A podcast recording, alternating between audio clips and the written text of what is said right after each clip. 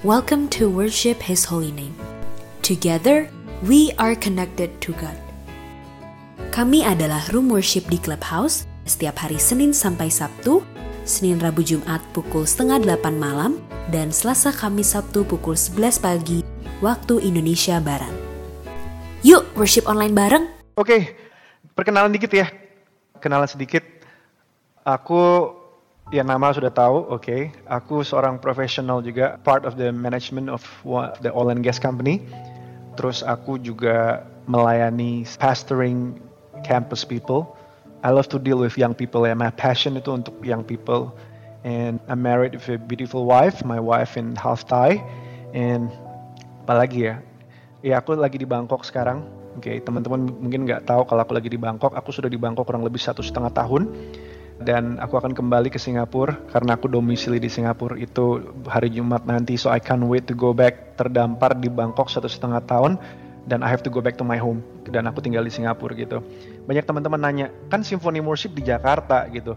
Kok aku bisa di Singapura? I'm the only personal of the Symphony Worship yang tinggalnya di Singapura gitu. Yang lainnya di Indonesia. Jadi kalau ada recording, ada concert atau apa pun ya I'm the one who have to travel to to Indonesia gitu ya dan I've been doing that dari tahun 2014 eh 2013 jadi bolak-balik terus untuk ministry and and so on ya yeah. but by the grace of God that's um, that's thing that I can do ya yeah, itu adalah the joy of giving bagaimana aku bisa memberikan hidup aku buat Tuhan gitu. Nah, I believe teman-teman juga pasti Tuhan sudah punya rencana yang indah, rencana yang luar biasa buat teman-teman juga bisa menjadi saluran berkat buat orang-orang banyak di luar sana, ya. Nah, malam hari ini temanya adalah the joy of giving. Oke, katakan sama-sama the joy of giving. The, joy, of, the joy of, joy of giving. That's very good.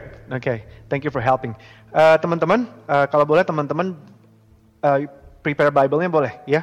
Kalau teman-teman punya the Bible di handphone, Bible buku apa keluarin. Nanti aku akan minta malam hari ini kita sama-sama interaktif ya jadi kita akan baca Alkitab sama-sama. Jadi aku nggak pengen cuma one way aja, tapi aku mau kita sama-sama. Jadi aku minta nanti Jamie, Sandy, kalau aku tunjuk siapa, mungkin kalian bisa naikin ya yang di bawah untuk baca ayat Alkitab gitu ya. Cuma okay. buat baca ayat. Oke, okay? let's let's get interactive. Ya, yeah, Here we go. Let's start. Oke, okay. kan COVID-19 ini kita tahu ya berita-berita yang kita lihat di Instagram di mana pun itu banyak sekali yang membahas tentang COVID-19, membahas tentang the sad story, and membahas tentang sesuatu yang mungkin gak enak gitu dan mencekam dan menakutkan gitu. Tapi kenapa enggak hari-hari ini kita bisa untuk apa ya menyebarkan namanya the good vibes ya. Jadi vibes yang bagus gitu. Dan aku bersyukur like I said um, ini Cirini and the gang ini bisa membentuk sebuah WHHN ini adalah salah satu bagian dari spreading the good vibes gitu di saat di kanan kiri orang khawatir, orang takut gitu, orang cemas akan COVID-19, tapi ada sebuah komunitas WHN yang dibentuk ada untuk memberikan pengharapan untuk orang gitu lah. Bisa dengar firman Tuhan bisa memuji menyembah sama-sama gitu. Ini luar biasa banget gitu ya. Nah orang-orang Kristen akan aku mulai dengan ini. Orang-orang Kristen ya orang-orang yang sudah diubahkan sudah kenal Tuhan ya harusnya orang itu dipenuhi dengan Roh Kudus gitu loh ya. Dan harusnya juga menghasilkan buah-buah roh gitu. Jadi kalau kita kenal Tuhan gitu dan kita mengenal Tuhan lebih dalam lagi, kita hidup kita diubahkan gitu kan, apalagi kita yang sudah memberikan diri kita untuk dibaptis, kita penuh dengan Roh Kudus, ya seharusnya ya memang orang Kristen hidupnya dipenuhi dengan Roh Kudus gitu loh. Nah, kalau kita sudah dipenuhi dengan Roh Kudus, sudah pasti kita harus menghasilkan buah-buah roh. Nah, aku pengen tanya, apakah teman-teman di sini tahu buah-buah roh itu ada ada di Galatia 5 22 sampai 23 itu apa aja sih? Aku mau interaktif boleh ya? Jadi Jamie, Sandy, aku minta tolong naikin siapa ya? Aku minta tolong naikin oke, okay, Fania. Ada Fania. Host bisa tolong naikin Fania nggak? Oke. Okay. Fania. Oke, okay, udah. Iya. Yeah. Fania. Fania. Naik Hai, Fan. Fania. Naik yuk Fania mungkin nggak ada nggak ada tempat ya mungkin ya. Oke kalau nggak ada di tempat Sharon aja deh Sharon Sharon. Sharon. Halo Pastor. Hai Sharon. Oke Sharon kan pasti ngerti dong buah-buah roh di Galatia 5 ayat 22 sampai 23 nah boleh nggak Sharon bacain ayat firman Tuhan tersebut buat kita semua? oke. Galatia 5 ya? 22 sampai 23 oke. Oke aku bacain ya Tetapi buah roh ialah kasih, sukacita, damai sejahtera, kesabaran, kemurahan, kebaikan, kesetiaan, kelemah lembutan, penguasaan diri. Tidak ada hukum yang menentang hal-hal itu. Thank you Sharon. Sharon stay di sini aja, jangan turun dulu, it's okay.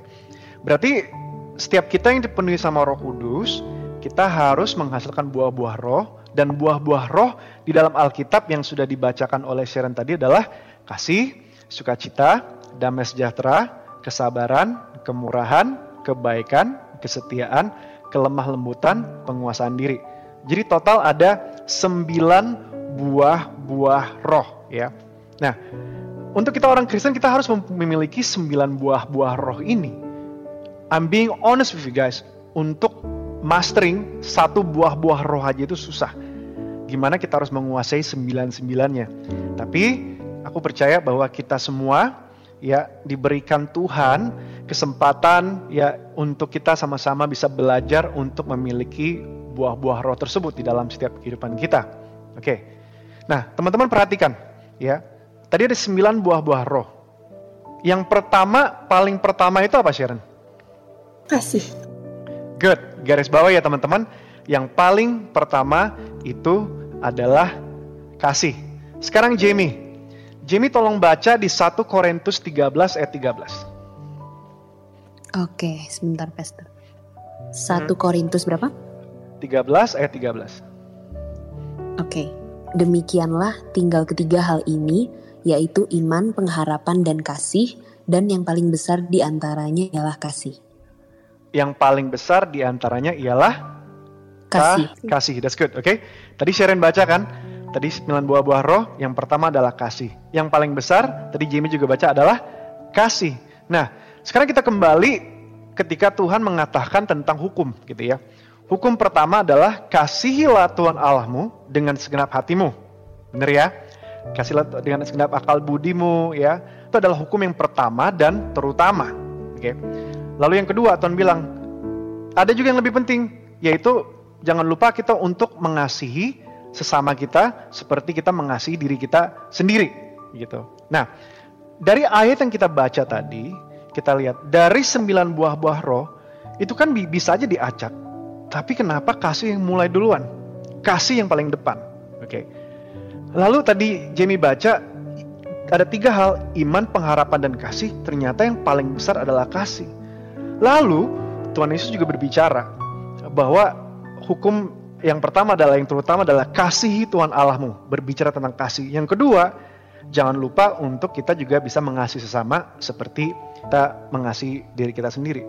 Jadi yang pertama, yang terutama dan yang terbesar adalah kasih. Oke, garis bawah ya kasih. Oke, kita akan lanjut sekarang. Coba aku minta ciri ini tolong bacain 1 Korintus 13 ayat 4 sampai 6. 1 Korintus 13 ayat 4 sampai 6. 1 Korintus. It's okay. Ayat 13 ayat 4 sampai 6. 6. Oke. Okay. Uh, eh, kasih itu sabar, kasih itu murah hmm. hati, ia tidak cemburu, ia tidak memegahkan diri dan tidak sombong, ia tidak melakukan yang tidak sopan dan tidak mencari keuntungan diri sendiri, ia tidak pemarah dan tidak menyimpan kesalahan orang lain. Ia tidak bersuka cita karena ketidakadilan, tetapi karena kebenar. Terus sih? Udah sampai enam kan? Ada lagi. Ada lagi, ada lagi. Oh ya, tanggung tanggung sih satu lagi. Iya. Oh, ia menutupi segala sesuatu, percaya segala sesuatu, mengharapkan segala sesuatu, sabar menanggung segala sesuatu. Oke, kita ambil kesimpulan ya. Yang pertama tadi dalam buah-buah roh dari sembilan, yang pertama adalah kasih. Tadi Jamie baca yang terbesar adalah kasih. Tadi aku juga sudah baca bahwa hukum yang pertama terutama mengasihi Tuhan Allah, yang kedua mengasihi sesama. Nah, jadi kita tahu bahwa yang pertama dan terbesar adalah kasih. Jadi the ingredients of pelayanan daripada Tuhan Yesus itu adalah kasih. Nah, lalu ditekankan lagi, ternyata kasih itu punya sifat-sifatnya, ya, dan dibaca oleh Cirini Ternyata sifat kasih itu sabar, kasih itu murah hati, kasih itu nggak cemburu, tidak membanggakan diri dan sebagainya. Nah, aku mau mengambil salah satu sifat dari kasih, yaitu adalah kasih itu murah hati. Yuk katakan sama-sama, kasih itu murah hati. kasih itu murah hati. Jadi teman-teman tahu bahwa murah hati itu adalah salah satu karakter dari kasih, ya. Kita diajarkan untuk bagaimana cara kita tuh bisa loving God and loving people. Nah, Yesus mengajarkan setiap kita agar kita itu menjadi pribadi yang murah hati. Nah, di dalam firman Tuhan ada sebuah perumpamaan yang sangat bagus sekali. Oke, dan aku uh, pengen di sini ada Onel ya. Onel, you there? Iya, saya di sini. Siap, Pastor. Oke. Okay. Onel, tolong buka di Lukas 10 ayat 25 sampai 37. Lukas 10 ayat 25 sampai, sampai 37. 37. Ya. Nah, Onel iya. tolong bacain perikopnya apa di situ? Orang Samaria yang murah hati. Oke, okay. orang Samaria yang murah hati. Oke. Okay. Onel tolong bacain Lukas 10 ayat 34 sampai 35 aja ayat 34 ya, ia pergi kepadanya lalu membalut luka-lukanya. Sesudah ia menyiraminya dengan minyak dan anggur. Kemudian ia menaikkan orang itu ke atas keledai tunggangannya sendiri lalu membawanya ke tempat penginapan dan merawatnya. Keesokan hmm. harinya, ia menyerahkan dua dinar kepada pemilik penginapan itu. Katanya, rawatlah dia dan jika kau belanjakan lebih dari ini, aku akan menggantinya waktu aku kembali. Thank you, Onel. Oke, okay, ini adalah sebuah perumpamaan dan cerita yang sangat menarik sekali. Mari kita pergi ke tempat kejadian perkara, ke TKP. Siap ya? Oke. Ada tiga tokoh di sini, ya itu ada, oh sorry sorry, ada ada empat, ada empat ya, ada ada imam, ya ada imam, ada orang Lewi, ada yang kena rampok, ada satu lagi sama ada orang yang Samaria. Jadi di tempat TKP ini, tempat kejadian perkara, ternyata jalan-jalan itu banyak premannya teman-teman ya. Jalan banyak premannya yang memang ini jalan jalan yang sangat rawan, tapi memang harus dilalui, dilalu lalang di situ ya. Jadi orang banyak lewat di situ. Eh tiba-tiba satu saat ada seorang Yahudi ya, tiba-tiba dia dirampok habis-habisan ya, setengah mati ya kan. Saya nggak tahu suara orang setengah mati itu gimana? Coba Erik tolong bisa kamu tunjukkan nggak? Walaupun kita nggak bisa lihat kamu, suara orang setengah mati itu kayak apa coba? Uh, gimana? Coba kamu kamu peragain pakai suara orang setengah mati. Uh, uh, uh, itu. Iya, kurang kurang kurang kurang dramatis kamu kayak sedikit tolong tolong gitu kayak gimana? Uh, tolong gitu kamu. Sini sini aku aku. Tolong. Iya iya. Tolong. Tolong. Iya. Iya iya iya. Semuanya bagus, semuanya bisa. Oke. Okay. Oke. Okay. Kira-kira seperti itu. Jadi orang Yahudi yang dirampok ini sudah sudah setengah mati dan namanya orang dirampok setengah mati dia pasti pengen dong dia ditolong gitu ya. Nah, ada satu pribadi yang lewat gitu. Seorang imam dia lewat di situ. Singkat cerita, imam ini cuma ngeliat aja, cuma nengok, tapi akhirnya I don't know what kind of reason, ya dalam pikirannya dia cuma lewat. Oke. Okay. Lalu yang kedua, ada orang Lewi. Ya, ini dua-duanya orang-orang kri, orang-orang beragama semua nih gitu kan. Ngeliat juga, nengok doang, aduh lewat lagi. Nah, yang ketiga, di tempat kejadian perkara ini ada seseorang yang murah hati. Makanya judulnya perikopnya adalah orang Samaria yang murah hati. Tokoh ketiga ini ternyata adalah orang yang nolongin dari orang Yahudi yang kena rampok yang hampir setengah mati tadi gitu loh. Nah makanya dikatakan dalam perikopnya adalah orang Samaria yang murah hati. Nah saya mengambil kesimpulan bahwa orang Samaria ini adalah memiliki kemurahan hati dan suka memberi dan memberi itu nggak tanggung-tanggung, tapi giving generously. Katakan sama-sama giving generously. Giving generously. Giving ya. generously. Ya, memberi dengan lebih gitu ya. Nah, jadi saya mengambil kesimpulan di dalam Lukas 10 ayat 34 sampai 35.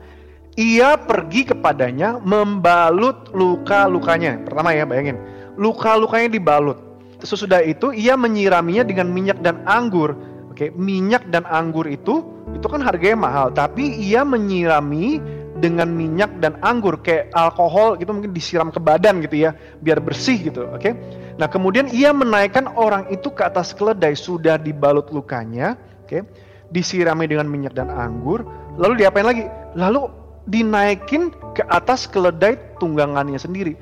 Kalau orangnya sehat bisa gerak, itu naikin ke keledai gampang nggak? Gampang, gitu kan?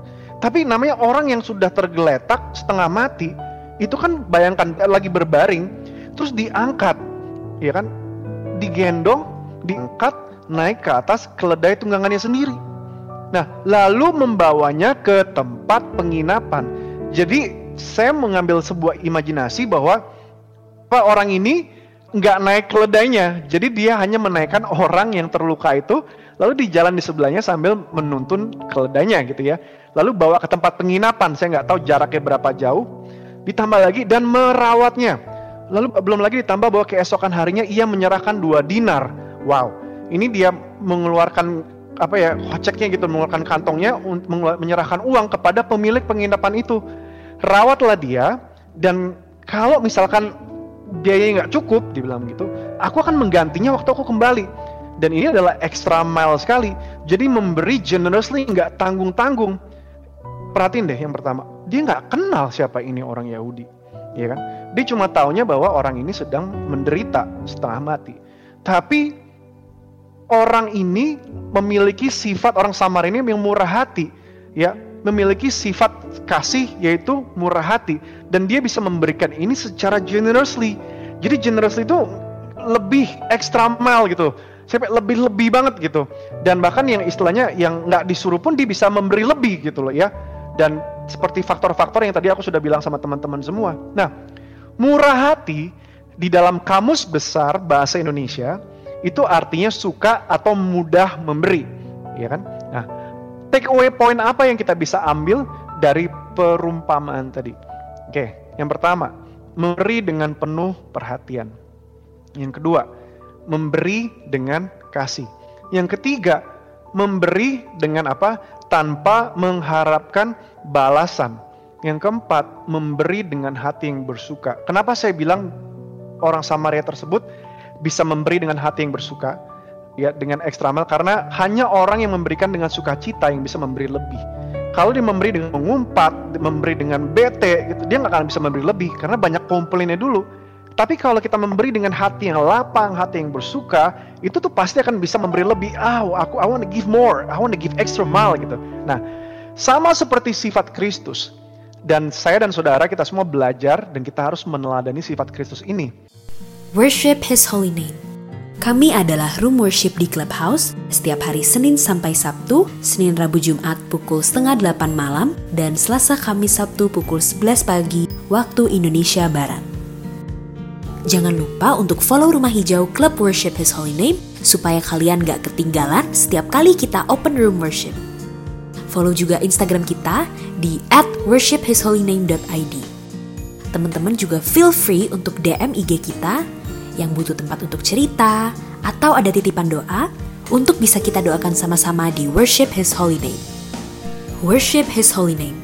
Together, we are connected to God.